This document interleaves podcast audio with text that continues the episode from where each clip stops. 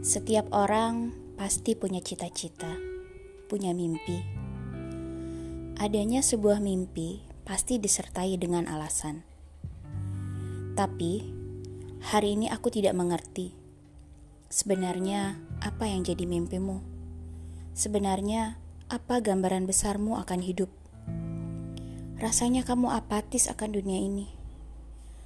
Bukankah Tuhan tak melarang umatnya untuk meraih dunia? Asalkan dengan cara yang baik. Apakah tidak ada keinginanmu untuk kembali?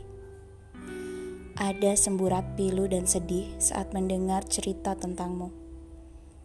Hatiku kembali khawatir atas hal yang sebenarnya tak perlu kukhawatirkan, karena aku bukan siapa-siapa untukmu. Tapi, ya inilah aku. Seringkali seperti orang bodoh jika menyangkut tentangmu. Dari panjangnya inginku, dari panjangnya doaku, kutitipkan doa terbaik untuk kamu. Semoga Tuhan berikan rezeki terbaik, semoga Tuhan beri kemudahan atas segala inginmu, dan semoga Tuhan berikan cinta terbaik untukmu.